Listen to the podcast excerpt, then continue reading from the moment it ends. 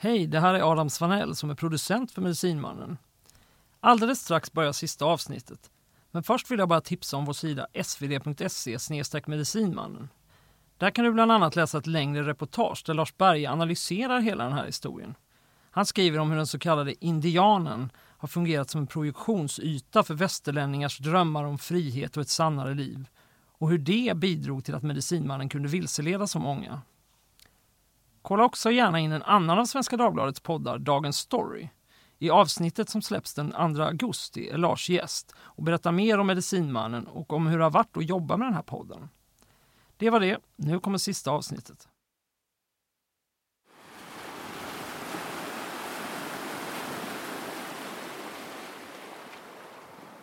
Kap Verde, en paradisisk ögrupp långt utanför Senegals kust med långa soldränkta stränder, smaragdgrönt havsvatten och böljande gröna kullar.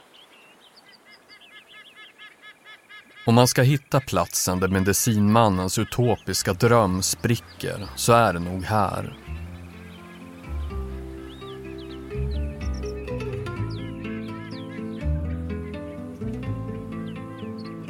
Det är hösten 1993. Det har gått två år sedan det så kallade ritualmordet i Tornio och ett och ett halvt år sedan treårige Giska dog i lägret i Kittile. Man och hans medlemmar har blivit utvisade ur Finland. En del av dem har kört ner genom Europa i en gammal buss och slagit läger i Italien. Men själv har medicinmannen rest hit, till Kap Verde. När några av hans medhjälpare ringer förklarar han att han har hittat den perfekta platsen för framtidens mönstersamhälle. Här ska Gaia-land äntligen bli verklighet. Jag kan nästan höra det, hur medicinmannen anstränger sig för att låta övertygande, försöker tala med sin vanliga pondus och karisma. Här kan vi bli självförsörjande genom våra unika jordbruksmetoder. Här kan vi praktisera en gåvoekonomi helt utan pengar och här kan vi skapa en sann demokrati. Även barnen ska få vara med och bestämma. Man berättar i telefon att han har chartrat ett fartyg som ska ta de andra från Messina i Italien hela vägen till ögruppen i Atlanten. I 20 års tid har han gång på gång fått människor att lämna allt de har för att förverkliga drömmen om Gaia-land, civilisationen, verklighetens utopia. Men den här gången funkar det inte. Hans följare har slutat tro på hans röst. De lyssnar inte längre.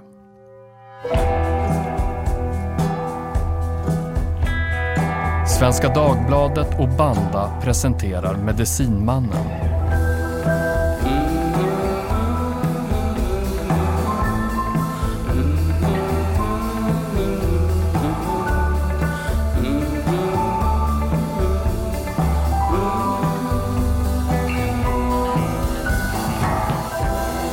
Jag heter Lars Berge. Sista delen.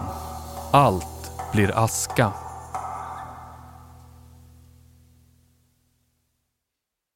Innan vi kommer till Kap Verde och det som blir slutet för medicinmannens dröm spolar vi tillbaka ett halvår i tiden, till vintern och våren 1993.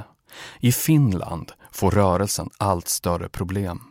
Bedragare, medlemmar i en farlig sekt eller är det helt enkelt frågan om ett behjärtansvärt experiment för att försöka leva på naturens villkor? I nyhetsinslag och tidningsartiklar hörs kritiska röster om rörelsen. Det cirkulerar uppgifter om att de inte betalt någon hyra till markägaren och är skyldiga hundratusentals finska mark. Professorn i zoologi, han som gick i god för det vetenskapliga experimentet, han har dragit sig ur. Det är över två år sedan de så kallade Mi'kmaq eller Iriadamant-indianerna kom till Finland för att grunda Livets universitet, ett tvärvetenskapligt forskningsprojekt i samarbete med Helsingfors universitet. Sedan dess har allt fler börjat betvivla samfundets verksamhet. Dessutom har journalisterna fått höra talas om Mans märkliga förflutna. Ledaren, som i Finland går under namnet Apjoilne, misstänks för bland annat förfalskning och enligt en belgisk journalist skulle han ha varit inblandad i vapenförsäljning och barnpornografi. Samtidigt börjar anhöriga till rörelsens medlemmar dyka upp i tältbyn i Kittile för att försöka övertala dem att återvända hem. Jag tycker väl lite synd om min pappa så här i efterhand som så undrar var hans dotter tog vägen. En av de oroliga föräldrar som kommer till Kittile är Nicoles pappa. Han har åkt från Luleå där han bor. Nicole har fyllt nio och borde egentligen ha börjat skolan för länge sedan. Han kom upp och han var ganska arg och ville liksom att jag skulle följa med därifrån. Men eh, han, han åkte därifrån i alla fall och liksom tog inte med mig. Uh, Men kom han upp för att han, hämta dig? Ja, lite så. Eller för att kolla vad det var för någonting. Och, och kanske liksom för att hämta mig. Och han var inte, inte så glad. Um, men jag blev ju bara skitförbannad på honom. Så här, vad fan, jag ville ju inte alls åka därifrån. Inom miljörörelsen och bland finska akademiker finns det fortfarande folk som försvarar projektet och rörelsens framtid diskuteras nu på regeringsnivå. Högsta förvaltningsdomstolen har fastställt utvisningen av de så kallade livsstilsindianerna. Och från att först ha varit positivt inställda har de finländska myndigheterna nu ändrat åsikt och bestämt sig för att utvisa alla utlänningar på lägre i Kittila. Våren 93 lämnar rörelsen Kittilä. Kvar på lägerplatsen hittas mängder med sopor. Bland annat matförpackningar av plast, juiceflaskor, jeans och täckjackor. Saker som antyder att gruppen inte levt så självförsörjande och hållbart som de har påstått. När vi skulle flytta ifrån Finland så eh, åkte vi barn hamnade vi någon, på någon ö i den finska skärgården gissar jag. Nicole minns hur barngruppen skickas iväg tillsammans med ett antal vuxna. Hennes mamma är inte med. Där skulle vi bara vara några veckor tror jag. Men vi blev kvar i flera månader. Och då var jag liksom ifrån min mamma, jag var ganska ledsen i perioder. Ehm, och då var det då var det liksom ganska tufft. Liksom. Jag minns att jag inte tyckte om ehm, ja, att det liksom inte blev som det skulle varit.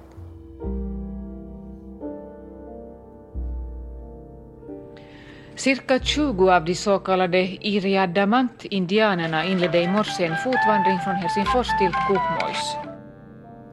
Resten av medlemmarna ger sig ut på en protestmarsch genom landet. I sina ansikten har flera av dem sminkat ett stort svart kryss. Med vandringen vill livsstilsindianerna ge sin rörelse ett ansikte. Om tio dagar väntas de vara framme i Kokmojs. Men det finns en person i gruppen som inte mår så värst bra. En fransman som heter Gérard Gauthier. Sen hade de ju gått från Helsingfors ända upp till norra Finland. Och han hade väl tagit ut sig. Det här är Nadjal. Hon var Mans chaufför under tiden i Finland. Jag får kontakt med henne precis i slutet av arbetet med podden. Egentligen heter hon något annat, men Nadjal, det är namnet hon fick när hon gick med i Mans rörelse. Nadjal träffade Gerard första gången i Sollefteå sommaren 91. Två år senare, under marschen genom Finland, ser hon att han är sjuk och att ingen tar hand om honom. Det var ju ingen som matade eller, eller försökte få honom att dricka heller utan det skulle han göra själv och det var han för svag för. Gerard är en av rörelsens veteraner och han har varit med ända sedan tidigt 80-tal då han hoppade av sina arkitekturstudier och bröt med familjen hemma i Frankrike. Nadjal är orolig för honom och hon vill fråga Man vad de ska göra. Men ledaren har lämnat Finland just när hans rörelse kämpar för att få stanna i landet. Någon säger att de har sett honom stiga på en färja till Sverige. Det senaste nummer han har lämnat går till en telefon i Frankrike. Nadjal ringer upp. Man säger att det inte är någon fara. Ambulans eller läkare ska absolut inte tillkallas.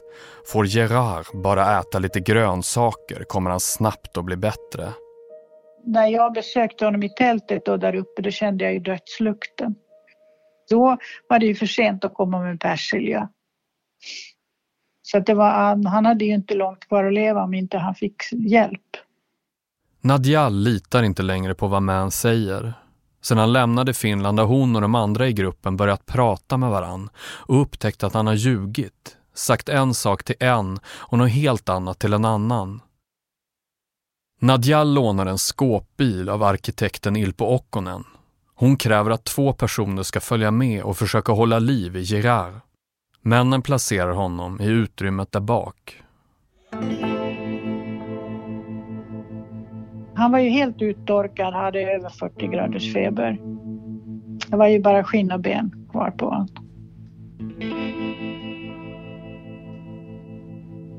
Nadjal kör mot Sverige. Smugglar Gerard och de andra över gränsen i Tornio och fortsätter söderut. Hon vill komma så långt bort som möjligt så att Gerard inte ska kunna kopplas till rörelsen i Finland. Jag bad ju hela tiden att jag inte skulle dö i bilen.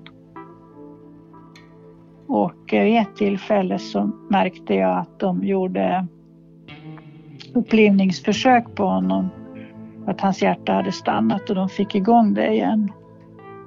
Så att eh, vi åkte då närmaste sjukhus var då Skellefteå. Så åkte in på akuten med honom där. Nadjal trotsar medicinmannens instruktioner. Hon tar Gerard till sjukhus trots att Man förklarat att de inte får ha någon kontakt med läkare. Där på lasarettet i Skellefteå dör Gerard. Men ett löfte tänker Nadjal inte bryta. Att till varje pris skydda rörelsen. Så hon ljuger om vem den döde är. Jag blev ju förhörd då på, på lasarettet i Skellefteå. Och jag hade ju fått då mig tillsagt att han hette Silvio Altieri. Och sen så jag sa då att jag hade hittat honom i vägkanten bortanför Jokkmokk någonstans. Hon kan inte ana vilka följder den lögnen ska komma att få.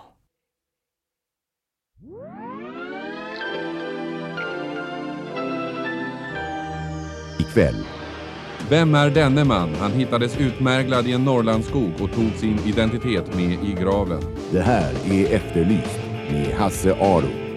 Hela det här fallet är mycket mystiskt. Därför kan minsta upplysning vara avgörande.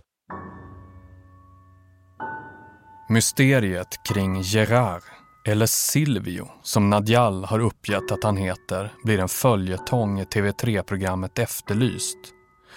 Någon av tittarna måste väl veta vem han är. Ett par bilturister, en fransman och en svensk kvinna, kommer körande vid fyra tiden på morgonen. Plötsligt ser hon en man som sitter lutad mot ett träd. Han är rätt smutsig, mager och 168 centimeter lång och han har långt hår uppsatt i en fläta. Han nämner Jokkmokk och det verkar som han är en fjällvandrande turist. Och till en början verkar det faktiskt vara många svenskar som stött på denne Silvio Altieri. Det har ringt väldigt mycket om den eh, döda italiensk, italienaren, om han nu var italienare, mm. uppe i Norrland. Ja. Två av varann oberoende vittnen uppger sig ha sett Altieri nere i Helsingborg, Helsingör. Mm. Där ett av vittnena har pratat med honom. Han har förklarat att han ska upp och fjällvandra. Mm. Läkaren Karin Kemchat på rättsmedicinska avdelningen i Umeå undersöker den döde. Och varför han kommer till oss det är att man ville veta om det är onaturlig död, men framförallt också för identifiering. Gerards döda kropp väger bara 44 kilo. Han är kraftigt avmagrad och huden har en antydan till gulfärgning. Och vad jag fann när jag undersökte personen var att han var mycket mager, blek eh, och hade småblödningar i huden. Små blå, eh, punktformade blåmärken i huden. Men vad dog han av då? Han dog av blodbrist. Och den var en följd av? Svält. Kroppen sys ihop efter obduktionen och rullas tillbaka till kylrummet. Det sades ju att den var eh, italienare, så RAI, det italienska tv-bolaget, ringde och, och bad mig titta på, för det var no, no, flera som påstod att det var deras son. Men tipsen som kommer in leder ingenstans. Och man får inte Nadjals historia att gå ihop. Inga andra vittnen har sett mannen i närheten av den plats som hon har angett. Polishundar som vallas där hittar inga spår. Och dessutom påstod hon att det har tagit henne tio timmar att köra mellan Morjärv och Skellefteå. En sträcka på 20 mil. Och när polisen vill ställa ytterligare frågor, då går hon inte att få tag på. Ja, efter Finland åkte vi ut till Italien. Samtidigt som den svenska polisen försöker identifiera mannen som kallas Silvio tvingas rörelsen lämna Finland. Uppehållstillstånden förlängs inte trots protestmarschen och en namninsamling. Istället slår de läger i ett bergsområde i södra Italien och det är där allt havererar. Anita, Nicoles mamma, berättar. Och eh, upplösningen kom väl på det sättet att då var ju man på Kap Verde för att kolla om vi kunde sticka dit.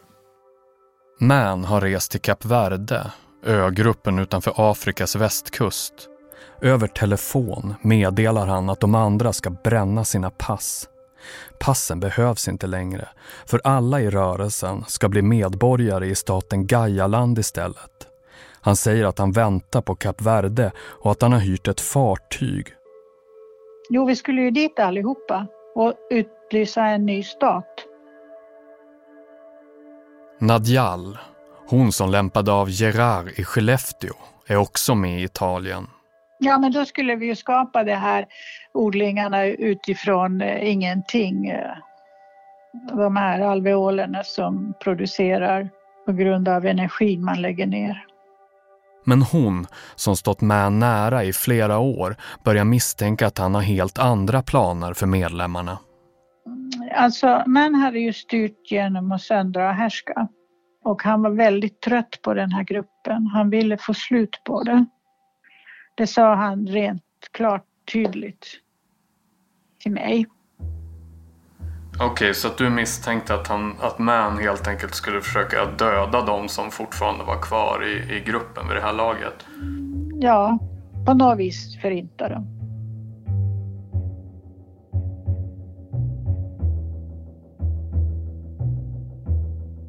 Hennes misstankar är inte helt tagna ur luften.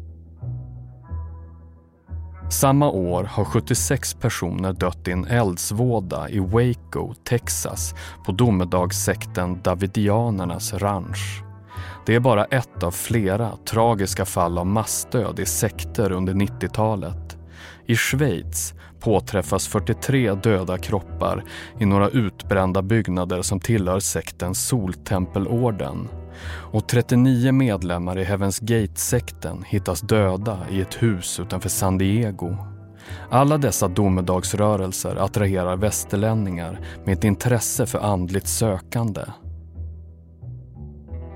De styrs av karismatiska ledare som övertygar sina följare om att mänskligheten står inför sin undergång och de slutar i kollektivt självmord.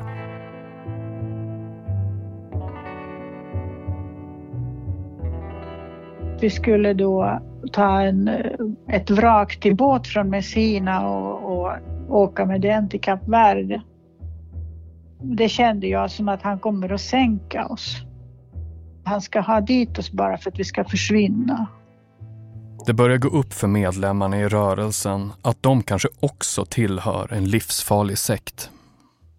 Anita berättar. Och då blev det panik i lägret och alla, folk blev så rädda och eh, ville liksom bara, bara komma därifrån fort. Folk tog alla kläder och pärlsmycken och allting och bara kastade i eld och brände upp. För att de, folk var ju panikslagna en del. Varför blev de så rädda? De var rädda för att vi skulle bli dödade. Att någon skulle komma och döda oss. Vem? Jag vet inte. det var bara att ge sig iväg snabbast möjligt. Gruppen splittras. Den planerade resan till Kap Verde blir aldrig av. Medlemmarna klarar sig med livet i behåll. Alla utom Gerard. Han ligger död i ett kylrum i norra Sverige. Ikväll. Mysteriet med Silvio Altieri som dog efter att ha hittats i skogen. Var han egentligen medlem av en mystisk indiansekt? Det här är Efterlyst. Det ska dröja sju månader till i mars 1994 innan den döda kroppen i Skellefteå kopplas till rörelsen. Så här berättar polisen i Efterlyst. Ja, vi vet ju betydligt mer nu än vi visste initialt. Och vi vet ju att delar av berättelsen som paret som lämnade in Silvio på lasarettet i Skellefteå, det stämmer alltså inte med, med de kunskaper vi har idag. Och de är att Silvio sannolikt vistats med eller tillhört Mikmak-indianerna, en grupp ursprungligen kanadensiska indianer som levt ett nomadiserande liv i norra Finland och Sverige utan egentlig kontakt med civilisationen. De kom till Europa under andra världskriget men några stannade kvar efter krigsslutet. Till och med när lögnen om Silvio har avslöjats fortsätter medierna alltså att återge Mans påståenden om att rörelsen består av urinvånare från Nordamerika. Samtliga män har ju uppvisat ett typiskt indianskt utseende, långt hår hopflätat i en hårpiska eller hängande löst. Och det var ju även de yttre attribut som, som Silvio hade. Rättsläkaren Karin Kemchat. Eh, han var då oidentifierad fortfarande. Och först ett bra tag senare så hörde ambass franska ambassaden av sig och eh, hade då uppgift ett annat namn. Det namnet är Gerard Gauthier.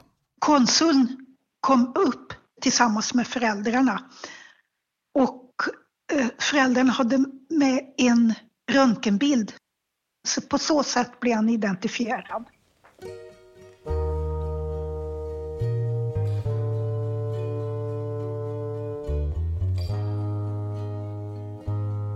När rörelsen upplösts i Italien söker sig några av medlemmarna till Väddö utanför Stockholm där andningspedagogen Lena Kristina Tulse och hennes man Thomas bor. Alltså mitt intryck var att de var oerhört ledsna. De var otroligt ledsna. Sorgsna, ville inte säga så mycket. Bara bekräftade att det här, det här gick fullständigt överstyr. Ja, det var väl det var ju en bruten skara. Ja, det var en bruten skara, helt klart. Och jag tror de, de hämtade lite kraft hos oss. Ja, så var det.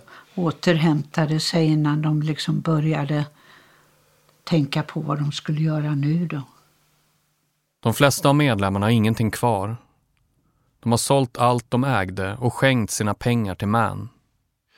Och eh, speciellt en, en kvinna som kom tillbaks. Hon kom tillbaks och sa att det här är så fruktansvärt som ni inte kan ana och hade en mycket farlig man.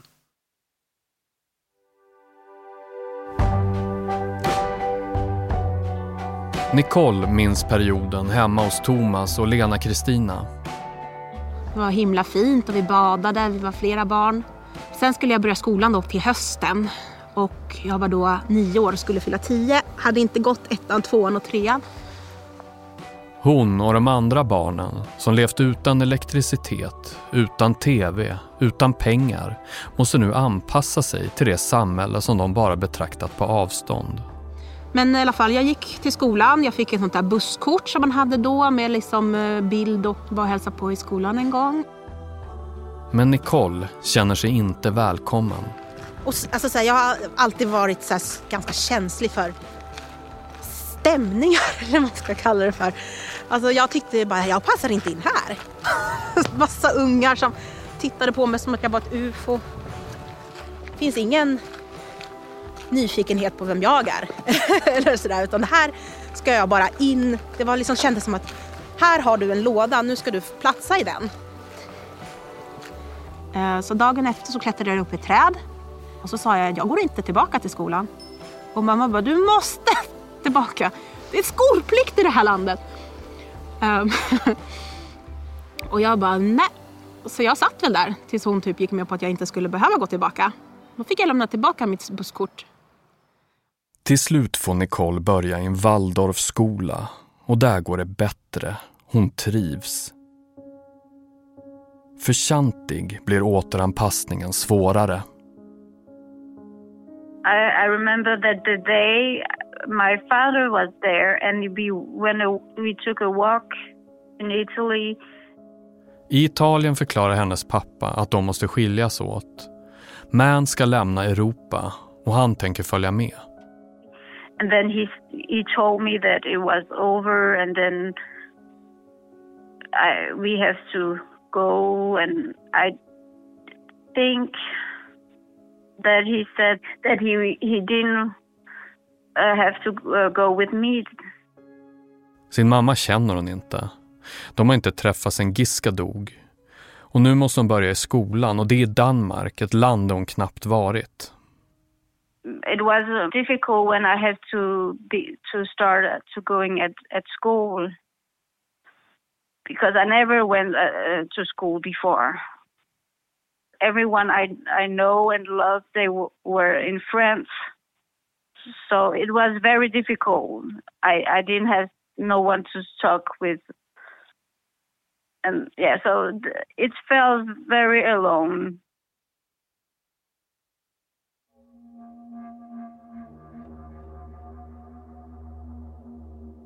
Medan medlemmarna återvänder till det samhälle de en gång vände ryggen så reser Man hem till Kanada. Där upprepar sig samma mönster som så många gånger tidigare. Han samlar en skara hoppfulla människor omkring sig, startar en ny sekt och återigen kommer anklagelser om att han förgriper sig på barn. Men kanadensiska medier har nu börjat granska honom på allvar. Norman William faces the prospect of legal action in France where at least two families are trying to prosecute him. Det här ljudklippet kommer från The Fifth Estate, ett tv-program i stil med Uppdrag granskning. In Belgium The Olivier brothers are laying sexual assault charges against him.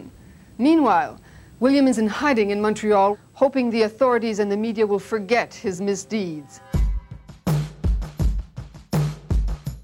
I april 2003 slår den kanadensiska polisen till mot medicinmannens bostad. Åklagaren vill åtala honom för övergrepp.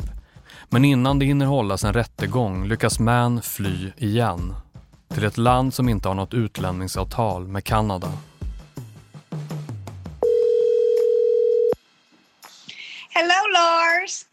Det här är läraren Deborah Goring från Tennessee. Eller Debbie som alla kallar henne.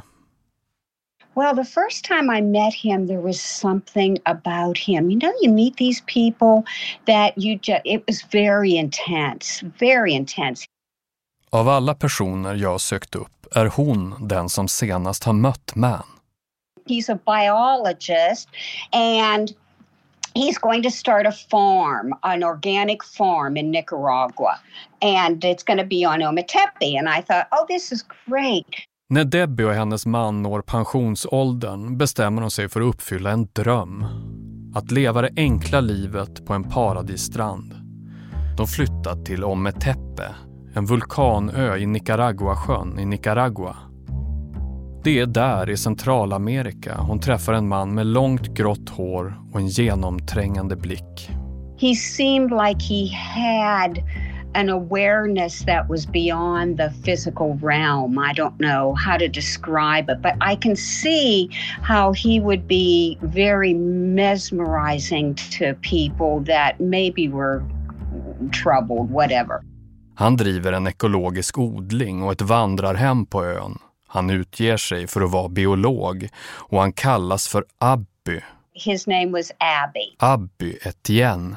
And uh, that was what we all called him at the time. Allt är frid och fröjd på Paradisön. Tills en dag. Debbie, som engagerat sig i en lokal kvinnogrupp, träffar en kvinna som säger att hon behöver skydd. Hon hävdar att Abby har försökt ta hennes barn ifrån henne. She was asking for protection. She needed to get away because Abby was trying to take her son away from her. Debbie vill veta mer om Abby Hon har frilansat som reseskribent och vet hur man gör research. Från sitt lilla strandhus och med en mobiltelefon och en svajande internetuppkoppling tar hon den lilla information hon fått och försöker ta reda på vem han egentligen är. Hon läser om reservatet i Paris på 70-talet, om den långa vandringen genom Europa på 80-talet, om tiden i Norden på 90-talet. Hon förstår att Abby Etienne är Pierre Maltais, mannen som i Sverige var känd som Man. And it was like, whoa, this is the craziest story I ever heard of. På ön ser hon hur unga ryggsäcksturister börjar söka sig till hans vandrarhem. Först kommer de för att ölen i baren är så billig och sen blir de kvar. He's continuing the same old ways, recruiting people. En dag landar en polishelikopter på ön. It was in May of 2011. A helicopter went over the island and landed in the little port town of Moyagalpa, which never happens. Det är en man på ön som har larmat polisen. Hans barn har berättat att det hålls en apa fången i den fastighet som Man disponerar. Every day they would come home and they would tell their dad, Dad, there's a monkey that's tied up in this house and it's crying. You have to go save it. You have to go save it. And the father thought they, they had just made this up until one day he said, Okay, take me and show me this monkey that's tied up in this house. Men enligt Debbie är ingen apa utan en människa, en pojke i 12-årsåldern som hålls inspärrad. And sure enough, it was this Haitian boy that was tied up in the house, laying naked on the floor. Debbie får höra att pojken kommer från ett barnhem på Haiti som drivs av en av Mans söner. They had taken him from Haiti, they adopted him, and they brought him to Nicaragua. but he was mentally challenged. He um, and what they did is they just delivered him. They kept him basically locked up in this house. And that's when um, the national police brought the helicopter and they took the Haitian boy away. Polisen gör en razzia och sekten försvinner från ön. Everybody in the cult scattered. Debbie antar att Man har åkt fast. Men det dröjer inte länge innan hon får höra att han har synts till i Granada, den lilla stan på fastlandet. So I had a lot of friends in Granada and I said, okay, you're going to be my spies. Debbie ber sina vänner där att hålla utkik efter Abby, som Man numera kallar sig if you see Abby anywhere, take pictures of him. We don't know if he's arrested, if he's in jail, what's happened to him. So they found him and he was living, and they started another little cafe and hospital in Granada. Debbie kontaktar polisen. Hon skickar över sitt material om Man och kanadensiska tv-program om hans brott. Men de verkar inte bry sig oh, well, we'll just keep an eye on them. But they never did anything. So it's like, what am I going to do? Debbie misstänker att Man har beskyddare inom den nicaraguanska staten. För hur kan man annars bli frisläppt så snabbt efter att ha rövat bort en liten pojke? Faktum är att Nicaragua vid den här tiden inte har undertecknat 1980 års Haagkonvention om internationella bortföranden av barn Dessutom är korruption utbrett i landet. Nothing ever seemed to happen. Yeah. So it was, it was rather frustrating. I juli 2015 nås Debbie av ett nytt besked. Man är död. I contacted my friends in Granada and they said yes, he's dead. Debbie har kontakt med redaktionen på det där granskande kanadensiska tv-programmet. Journalisterna ber henne att hämta ut ett dödscertifikat som finns på Stadsarkivet. De vill vara säkra på att sektledaren verkligen har avlidit. So I had to figure out where his death certificate would be and and I found out that it was in Granada at the records office. Men den lilla vulkanön är inte längre något paradis. Nicaragua skakas av politiska oroligheter. Och innan Debbie hunnit till arkivet där certifikatet finns brinner hela byggnaden ner. It burnt to the ground. And so his death record was there. And so now nobody knows for sure. Beviset för att medicinmannen verkligen är död har förvandlats till aska.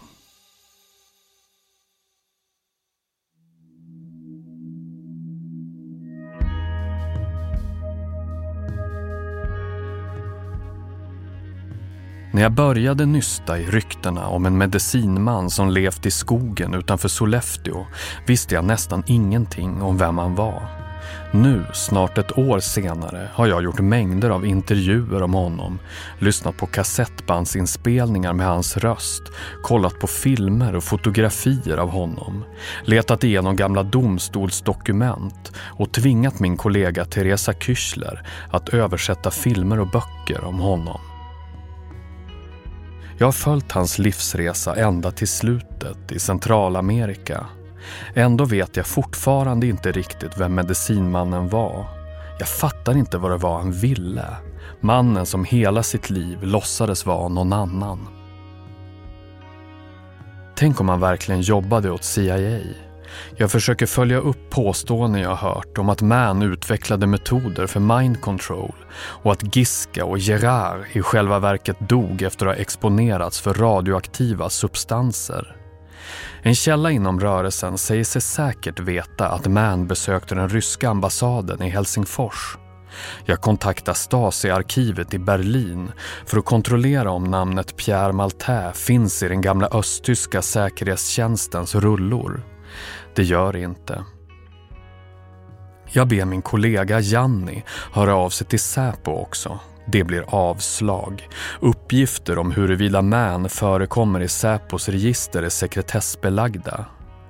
Ett tag misstänker jag att medicinmannen fortfarande lever. Att hans påstådda död i Nicaragua bara var en skenmanöver. Men jag hittar ingenting som stödjer den teorin.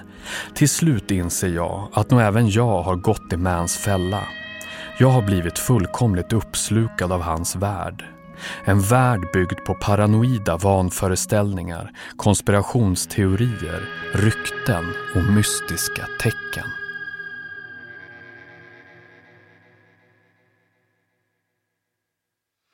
Jag vet inte egentligen vad han ville. Ibland så kan man psykologiskt... ja, psykologiskt. Vad var hans agenda egentligen? I köket hemma hos andningspedagogen Bo Wahlström pratar han, jag och Anita om vad som fick Man att göra det han gjorde. Det måste ju vara något grandioskomplex där, liksom att det var hela tiden han och han och han och han. Men hur han såg slutmålet eller vad han ville uppnå eftersom han hela tiden förstörde allting. Det kanske inte fanns. Han kanske Nej. bara ville ha uppmärksamhet. Ja, kanske bara var det. Så, men, få med folk och få, ja. få, få vara ledare liksom. Ja, men allt det där är liksom spekulationer. Mm. Jag har ingen, får ingen Nej, men manipulera, han var manipulatör, hade väl ja. någon störning liksom. Och ville... Manipulatörer kan vara ute efter makt eller pengar makt. eller sex makt. eller um, sådär. Makt att ja. styra över ett antal människor liksom. Ja. Du tror det? Du tror makt? Makt. Även Nicole har funderat på det här. Jag tror ju att han var någon form av sociopat. En kronisk lögnare pedofil. Um, och ja, bara liksom en väldigt, väldigt sjuk människa alltså. Ändå lyckas han lura så många. Från veganer med drömmar om en bättre värld till professorer och riksdagsmän. And I think we are engaged in the same battle. Hans ord får konsekvenser. De leder till att Gerard svälter ihjäl de gör att ett litet barn, Giska, dör helt i onödan. Och enligt Paul orsakar Mans ord även Mikaels död i Tornio. It cannot remain only dreams or words. You will have to go through it. Det är de tre dödsfall som jag har kunnat koppla direkt till Mans rörelse men det verkar finnas fler. Medlemmar jag pratar med vittnar om att en svårt sjuk dansk man kommer till Kittile. Kanske hoppas han att Man ska kunna bota honom, men även han dör i lägret.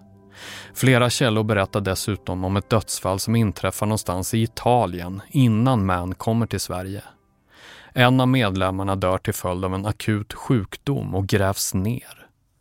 Under tiden de befinner sig i Finland ska Man ha blivit så nojig över att liket kan hittas att han beordrar en av sina medhjälpare att åka tillbaka, gräva upp kroppen och bränna den, säger källorna. Det var som en förälskelse under en viss fas. Det här är Lena Kristina, hon som trollbands av Man i den där lägenheten i Örebro våren 91 för att lämna någonting som kanske är väldigt mycket bekvämlighet så, så behövde man en förebild som var stark och jag såg honom som en förebild. Jag hade redan börjat bilda mig i betydelsen av eh, alltså miljöförstöringen och hade en, en eh, rädsla för hur ska det gå om en generation, om två generationer?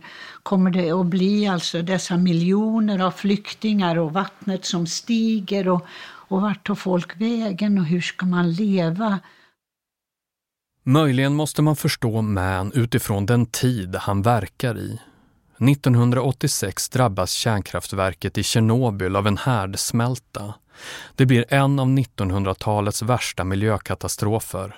Vissa hävdar att det också är startpunkten för de händelser som får supermakten Sovjetunionen att falla samman. Konflikten mellan sovjetisk kommunism och västerländsk liberal demokrati har dominerat världen sedan andra världskriget. Nu är den över. Och sedan dess lever vi i en värld utan några nya stora visioner och idéer om framtiden. Ekosystemen runt om oss är på väg mot kollaps och medeltemperaturen på jorden ökar stadigt. Vad ska vi göra åt det? Vi har ingen aning. Vi måste ju skala av. Vi måste ju förändra saker och ting. Vi kan inte såga ner mer skogar. Vi kan inte hålla på och förgifta världens hav. Jag menar, vi vet ju alla det här, men vad ska vi göra? Och, och i min naiva upplevelse av den här indianstammen och så, så var det som att de kom med det som kanske var en lösning. Ja, vi är många som tror att vårt nuvarande samhälle kräver en radikal förändring. Men våra makthavare framstår antingen som maktlösa eller ovilliga. Och kanske var det just den känslan som Mann såg till att exploatera.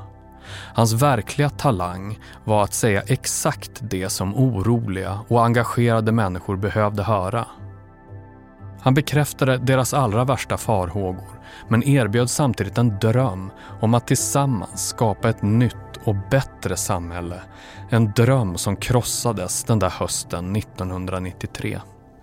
Alltså det var en känsla av, av sorg och, och separation Ja, jag var nog lite ledsen över det.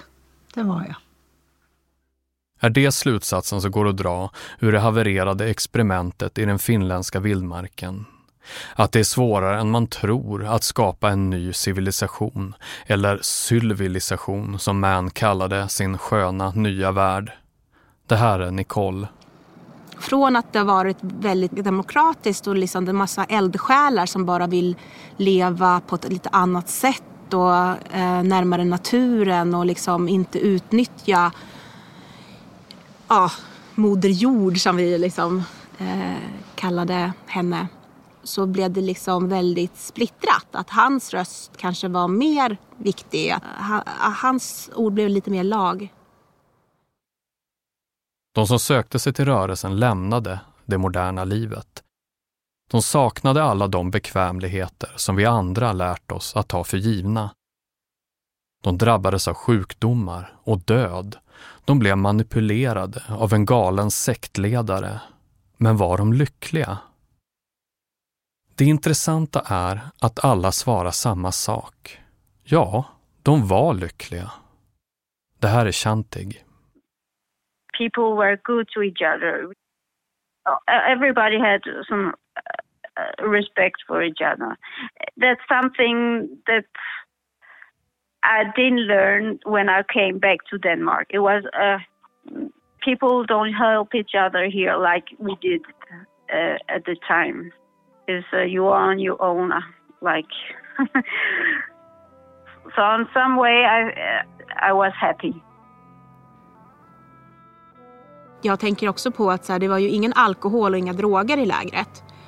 Och det tror jag är ganska ganska många barn idag skulle vara ganska avundsjuka på att slippa ha det in på sig. Och väldigt mycket musik och liksom mycket kreativitet. Väldigt många liksom starka vänskapsband som kanske blir när man är en liten, en liten grupp så här liksom. Kunna somna liksom på lite under, under liksom klar himmel, inbäddade filtar utomhus och så hör man liksom de vuxna spela trummor och sjunga. Alltid någon som liksom bar hem en till, liksom, sig eller, liksom, eller till, alltså till sitt tält, liksom, till vårt tält.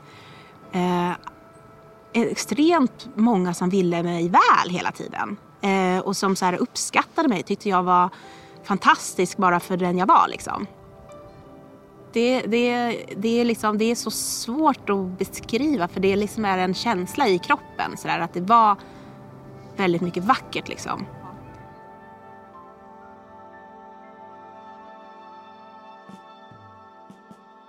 Har du någonting mer att säga eh, innan vi ja, fortsätter? Ja. Våren 1993, ungefär samtidigt som sekten utvisas från Finland, fyller Lena Kristina 50 år. Hennes kalas är en insamlingsgala på Cirkus i Stockholm. Jag vill väcka hela jorden till besinning. Konferencier är Lena Kristina själv och skådespelaren Anders Linder, känd som Kapten Zoom från barnprogrammet med samma namn. Ja, om vi allesammans gör vad vi kan så kommer vi kunna göra någonting åt det här. Absolutely baby. I'm quite sure. Ja, det är fint. Alltså, jag tycker vi ger henne... Vi kan göra något. Vi ska, vi vill, vi törs. På scenen står en tipi och själv har Lena Kristina på sig sina kläder och smycken från tiden med rörelsen.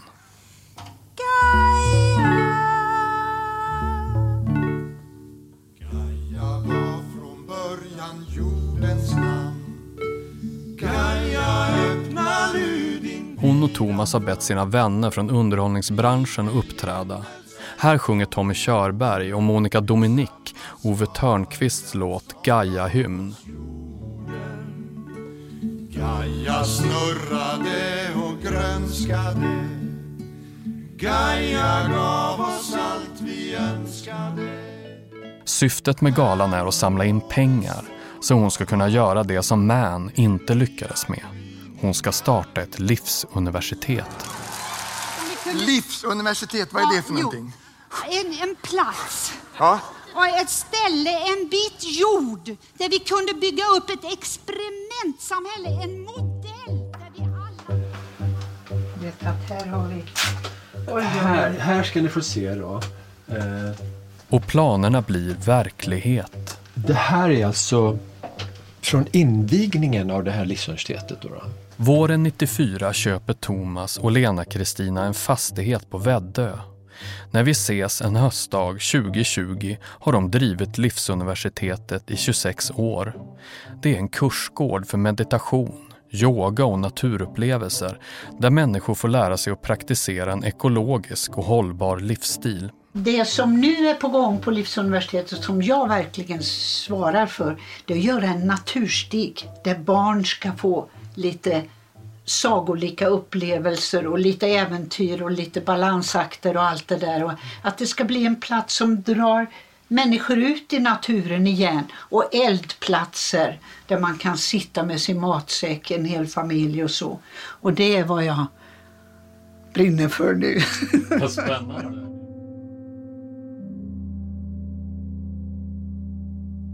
Idag hävdar många att det krävs radikala åtgärder om vi ska kunna rädda planeten.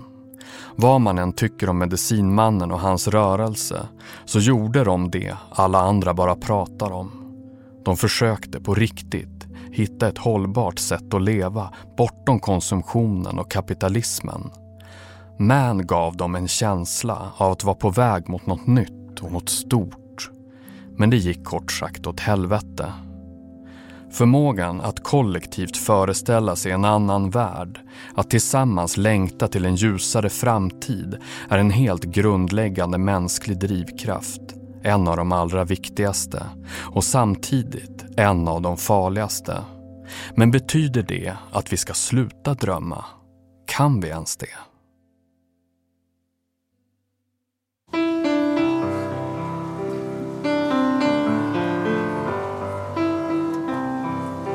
Här blir vår grand final. Do you care? Is it time to heal our world? Do you care? Galan på Cirkus våren 93 avslutas med allsång till låten Do You Care som Lena Kristina själv har skrivit och här hörs Waila Loss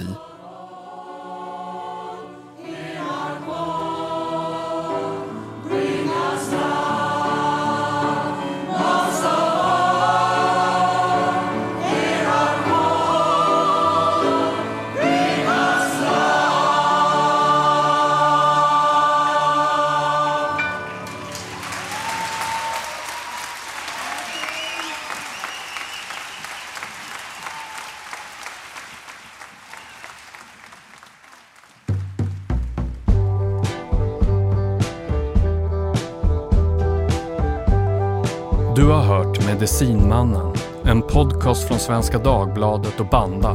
Skriven och berättad av mig, Lars Berge. Producent är Adam Svanell.